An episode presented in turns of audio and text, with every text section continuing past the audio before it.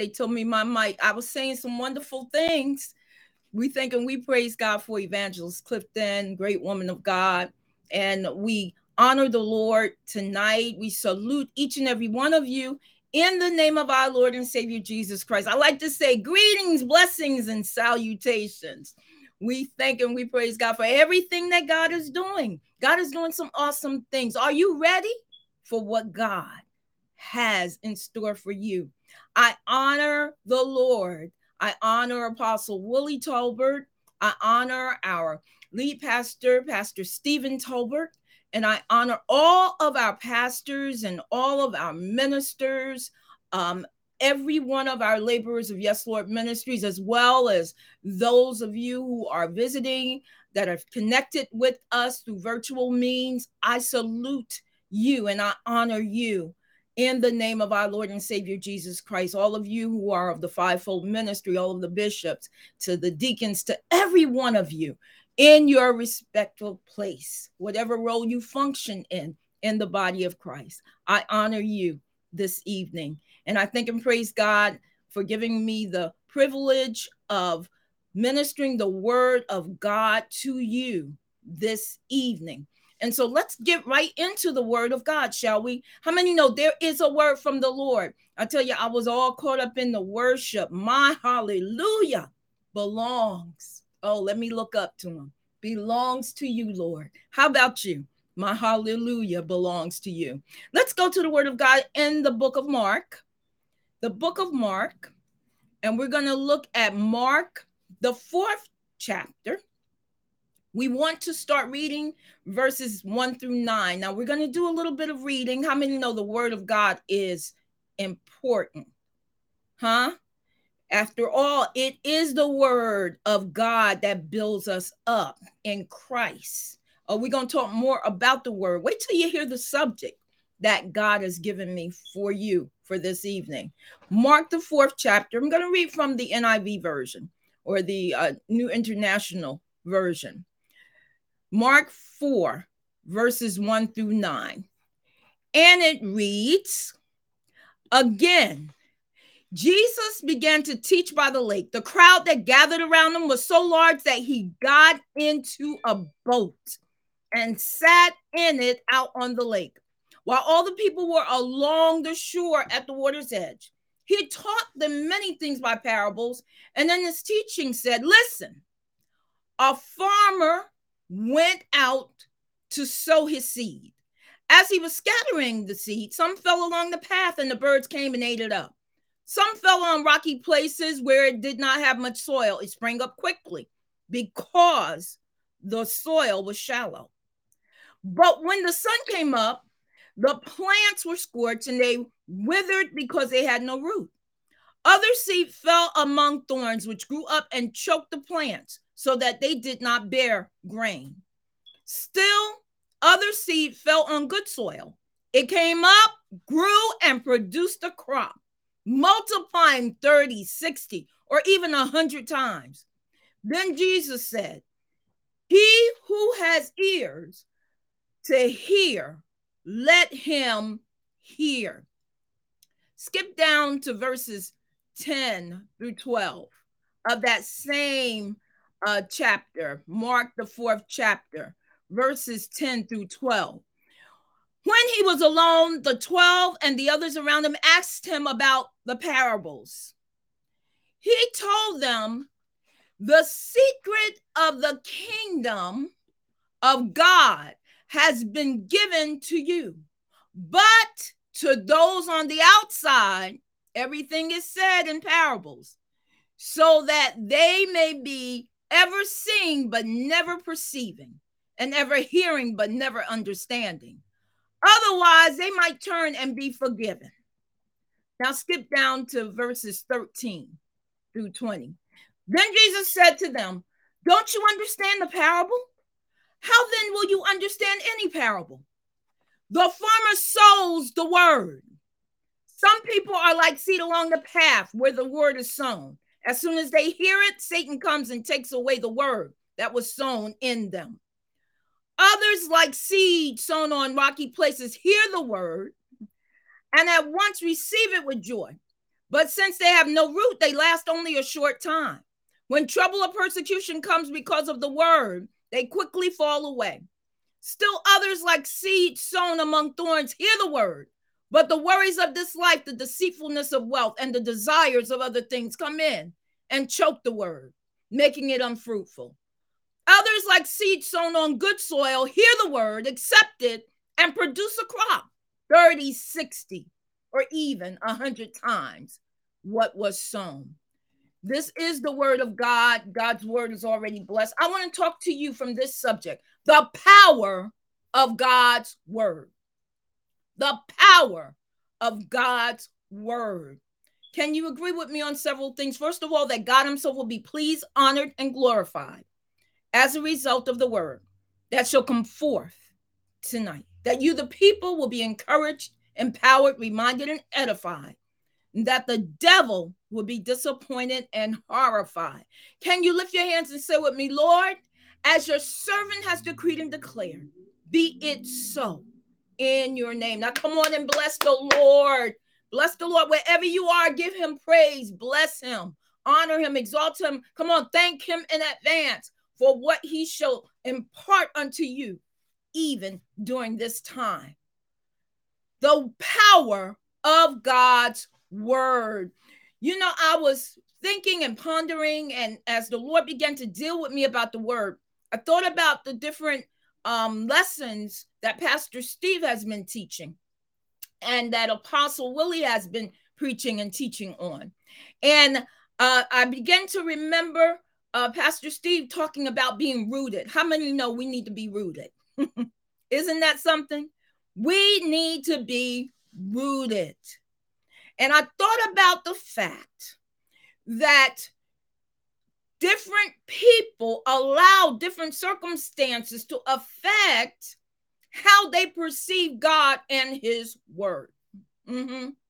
Um, they, they, they, the enemy seeks to persuade us that the Word of God and God's power has been diminished based on certain circumstances or depending on those circumstances. But how many know the word of God is not bound?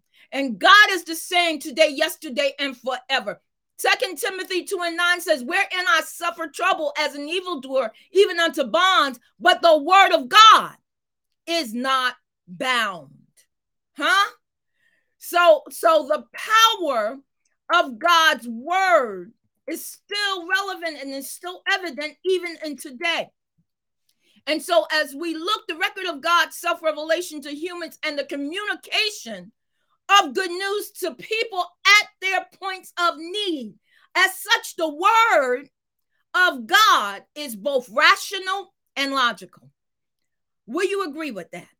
The inspired word of God is the ultimate revelation of Jesus Christ, who is the incarnate word of God. And so I want to share with you in the short time um, that's been allotted because we're not we're not going to be before you long tonight. So grab this, grab this. God wants us to understand the importance of relationship with Him and of His Word and learning about Him and what He wants for us. It is important.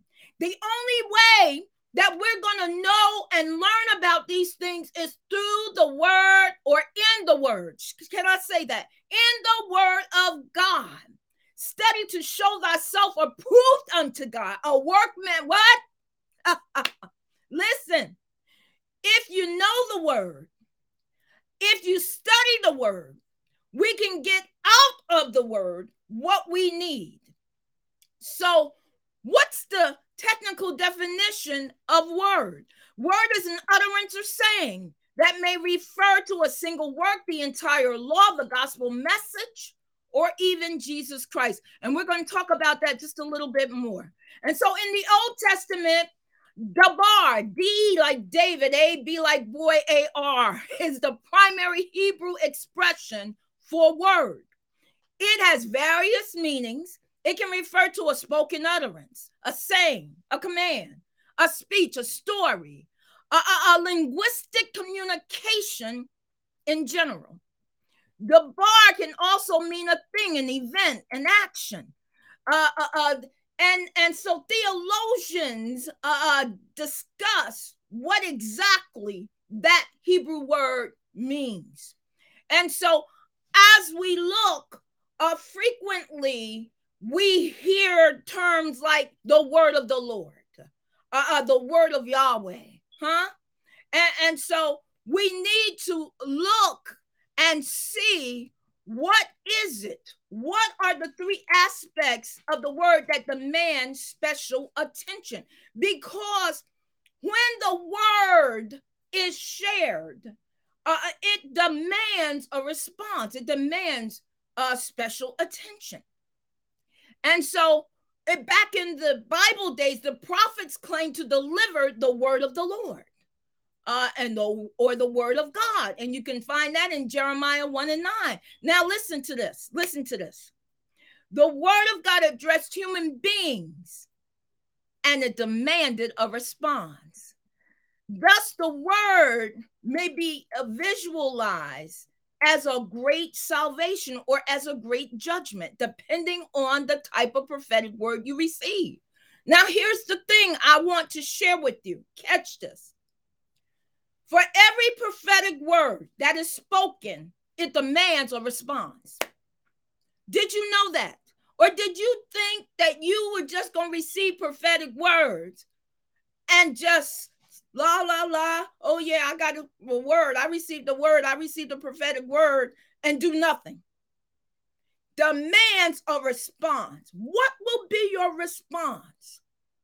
The response ideally ought to be that the word ought to encourage you to get closer to God. The word ought to encourage you to examine your life and your walk with God to make sure that you are lined up with God and His word. Uh, uh that word ought to encourage you so that it ought to stir within you a greater desire to know more about the God that sent the word. I'm talking about the true and living God. And so, one of the other things is a legal word. Now, in the covenant law, God spoke the words of the law to Moses. That's considered a legal word. The heart of the law is called the 10 words. God gave the Ten Commandments. The entire law represents the will of God, and so can be called a word from the Lord. This word also demands response. What ought to be the response? Ideally, the response, I want you to hear me, ought to be faithful obedience. Faithful obedience will bring God's blessing, while disobedience will lead to a curse. You can find proof of that in Deuteronomy, the 30th chapter. Then you have a creative word. God created the world by his word. The world reveals God's majesty and thus extends the sphere of his revelation beyond his work with covenant Israel to all people. The word is spoken as if it were a person who directs the events of nature. And so in the New Testament, now that's how the Old Testament dealt with word. In the New Testament, there are two terms, two Greek terms, or two Greek words, meaning word. Logos, you familiar with that, right? And rhema. They are used interchangeably and variously as with the Old Testament, Dabar uh, uh, uh, the New Testament can use these words to apply to Jesus' message. Jesus' message, message of the coming kingdom can be called a word. Are, are you hearing me? Uh, uh, uh, uh, uh, the message concerning Jesus can also be called a word. Are you hearing me? And so, as we continue to uh, uh, look at logos and rhema, I want you to understand something because there's much uh, discussion and much study regarding those two terms. More probably, Logos was chosen because of its meaning in the Old Testament, its Greek translation, and contemporary Hebrew literature, where the concepts of wisdom and word were being spoken of as a distinct manifestation of God. Understand this. The creative word of God became flesh. Y'all remember that? in, in, in the book of John. Being divine, he embodied divine communication. Now the word dwells among us, revealing the glory of God. Huh? John 1 and 14. And so we need to look at the power of the word. Understand the passage of scripture that we read in Mark, the fourth chapter, talks about the parable of a sower. The sower went out to sow seed. Understand that a parable a parable is an earthly story with a heavenly meaning. That's what a parable is. As we look at the parable that Jesus shared, understand what he said. He talked about the different instances where the word, because that's what the seed represented, the seed represented the word where the word was shared, where the word was spoken, where the word was preached, where the word was declared, where the word was taught. Because if you look at that scripture, it says he began to teach in the first verse. He began to teach by the seaside. Understand this. That is a prime example of the importance of the word of God being taught or the teaching of the word of God. I heard it said like this so many times preaching of the word brings the people to Christ, but it is the teaching of the word that builds them up in Christ. Did you get that?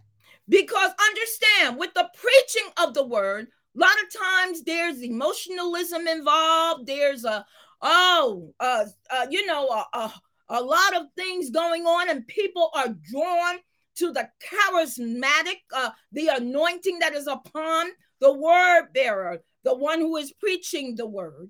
Uh, depending on how they're preaching, they're drawn to that charisma. Hmm?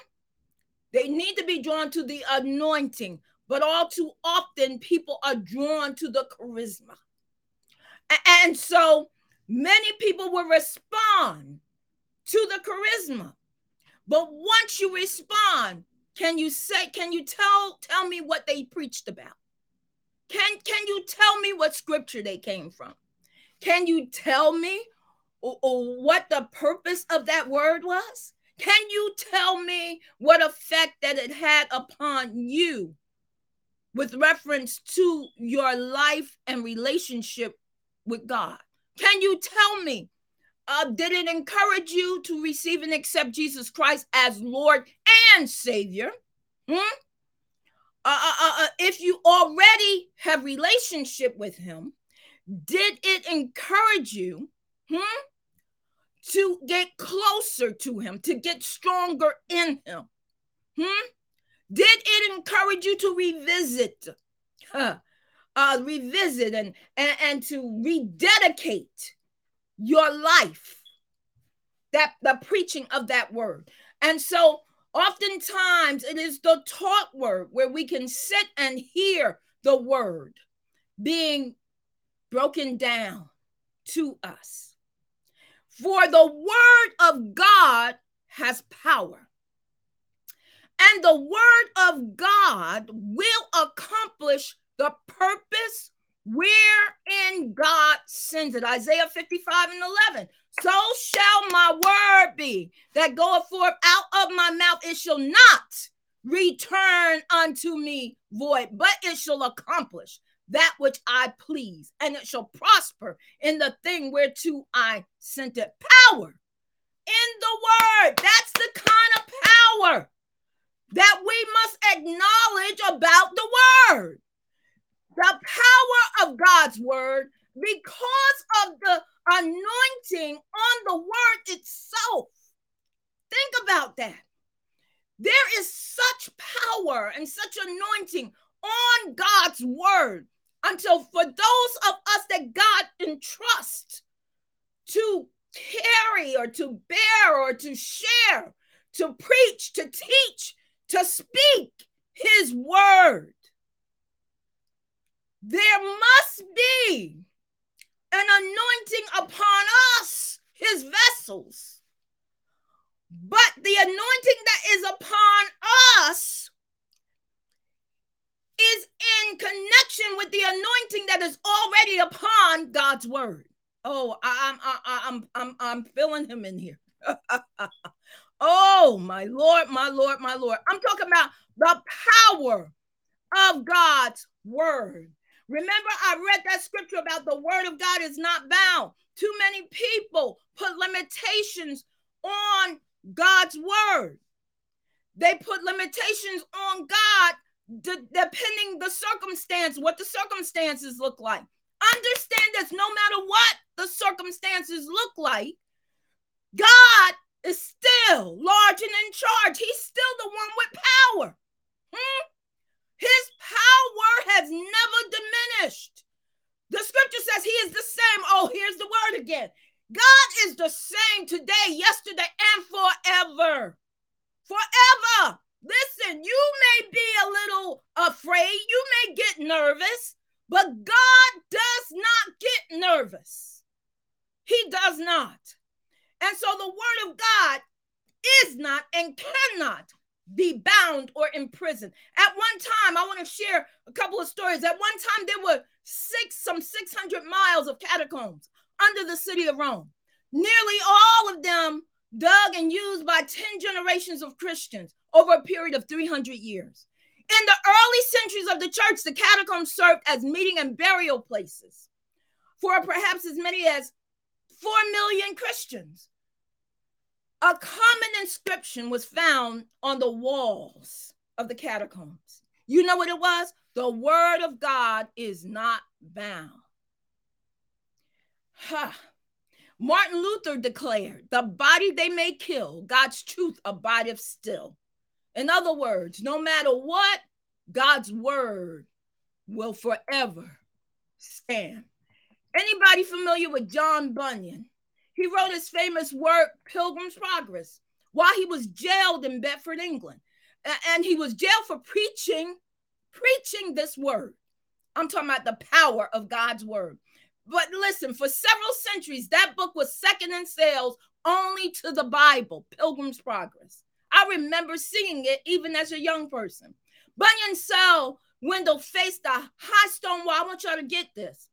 His cell faced a high stone wall that surrounded the prison, making it impossible to see into or out of his cell.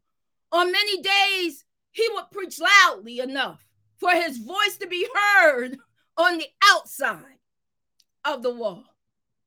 Y'all, y'all getting this? Listen, where hundreds, I want y'all to hear this, hundreds of listeners, believers, and unbelievers eagerly awaited his proclamation of God's word, which was unconfined by stone walls or iron bars. He was in prison, but the word was not in prison. So every time he opened his mouth to preach and to teach, to declare the word, the people that were outside were receiving.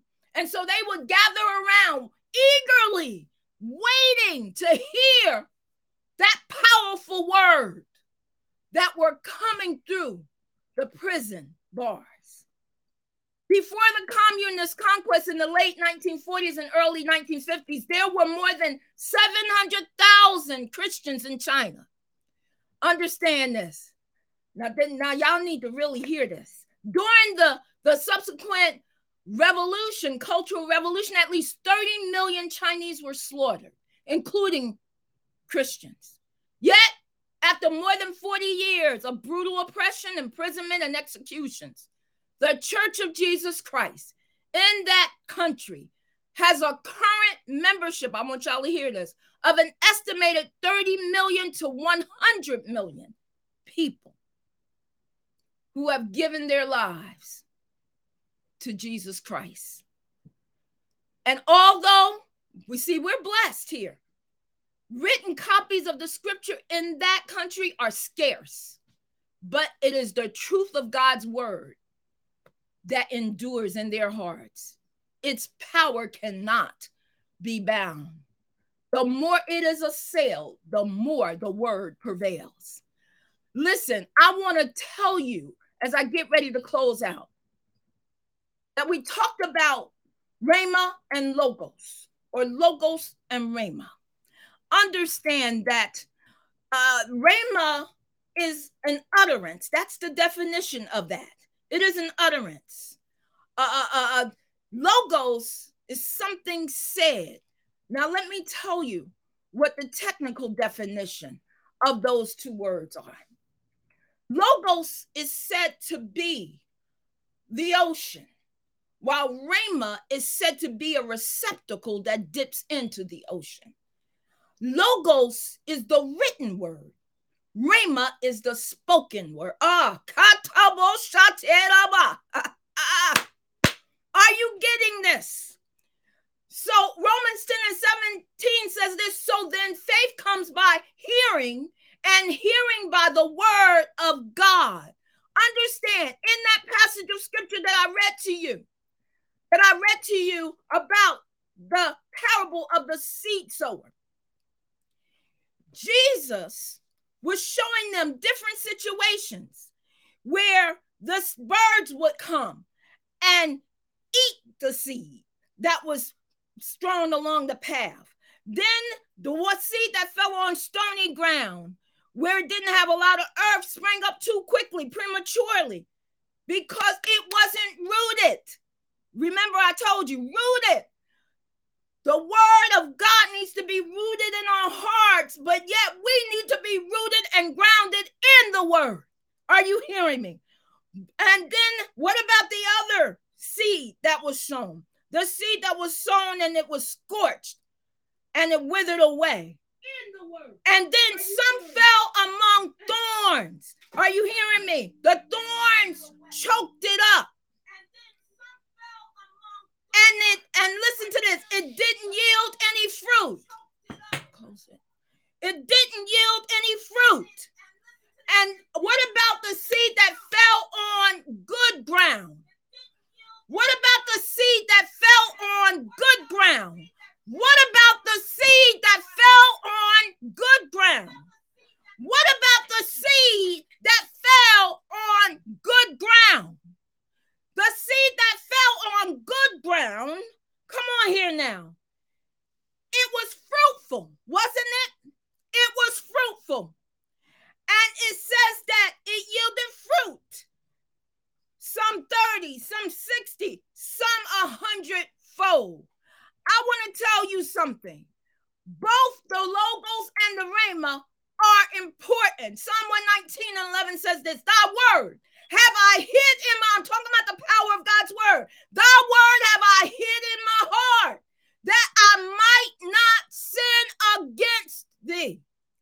And then Psalm 119 and 105 says, Thy word is a lamp unto my feet and a light unto my path. So as I get I want to tell you that God's word is life. God's word is power. His word teaches us how to live this life. Uh, God's word shows us how to be in relationship with him. Too many of you are basing and comparing your relationship with God to other relationships in your life. Stop doing that. God is not like man. He's not like women. He doesn't walk away from you, men. He doesn't walk away from you, women. God's word reminds us that He loves us. God's word reminds us that He has planned the best for us. His word reminds us of his promises. His word proves he fulfills his promises. His word is a treasure in our lives. His word sustains us. His word strengthens us. God's word reminds us of his protection. God's word can refute in Second Timothy 3:16. Go look it up later. God's word can reproduce. His word can redirect. His word can revive. His word can reward. And his word can get us ready the power of God's word. Don't you want to make sure that his word is hidden in your heart. His word teaches us how to live the life for him, how to live this life right here, this life in this day and time. His word teaches us how to live a life that he will be pleased with. Are you hearing me? Come on, let's pray. Father God, in the name of Jesus, we thank you now. We thank you for the people that are listening to this word. And God, we thank you now for everything that you've done in their lives, everything that you're doing, everything that you're about to do. God, we thank you for the power of your word. We thank you, God, because your word is life. your word is life. Your word is life. Ah, your word is life. And so we thank you. We thank you now. God, we lift up that one that wants to receive and accept Jesus Christ as Lord and Savior, Father. And we thank you now that they will lift their hands up to you now. For everyone out there that Complete Deliverance Finding and Keeping Total Victory for Your Life by Apostle Willie Tolbert. Learn how to get delivered and stay delivered. God's Word shows us how to live in total victory. Live each day as a believer who is experiencing total victory and walking in complete deliverance. Get your copy today on Amazon.com. Changing of the Guards Understanding Who Rules You by Dr. Mamie S. Tolbert. Wake up and be sensitive to the Holy Spirit. Learn to pray until a change has taken place in the spiritual realm. Don't allow the wrong kinds of thoughts to thrive. Get your copy today on Amazon.com. Partner with YLM financially using the following methods text giving. Text GIVE to 1 844 948 3895. Givelify. Search for Yes Lord Ministries in Kenilworth, New Jersey. Our website. Visit www.ylmconnect.org and click Donate. Cash App. Dollar sign Yes Lord M. Mail checks or money orders to Yes Lord Ministries, P.O. Box 425, Union, New Jersey 07083. You're invited to our Sunday morning virtual worship experience at 8:30 a.m. Every Sunday night at 6:30 p.m., join us for our Sunday night Ignite service. Every Wednesday morning from 5:30 a.m. to 5:45 a.m., join us for corporate prayer. Our call-in number is 716-427-1096 and the access code is 172268 pound. Every Wednesday evening at 7:30 p.m., join us for Spread the Bread Bible study as we dive into the Word of God. Subscribe to our podcast, YLM Sermon of the Week, on iTunes, Google Play, and Spotify.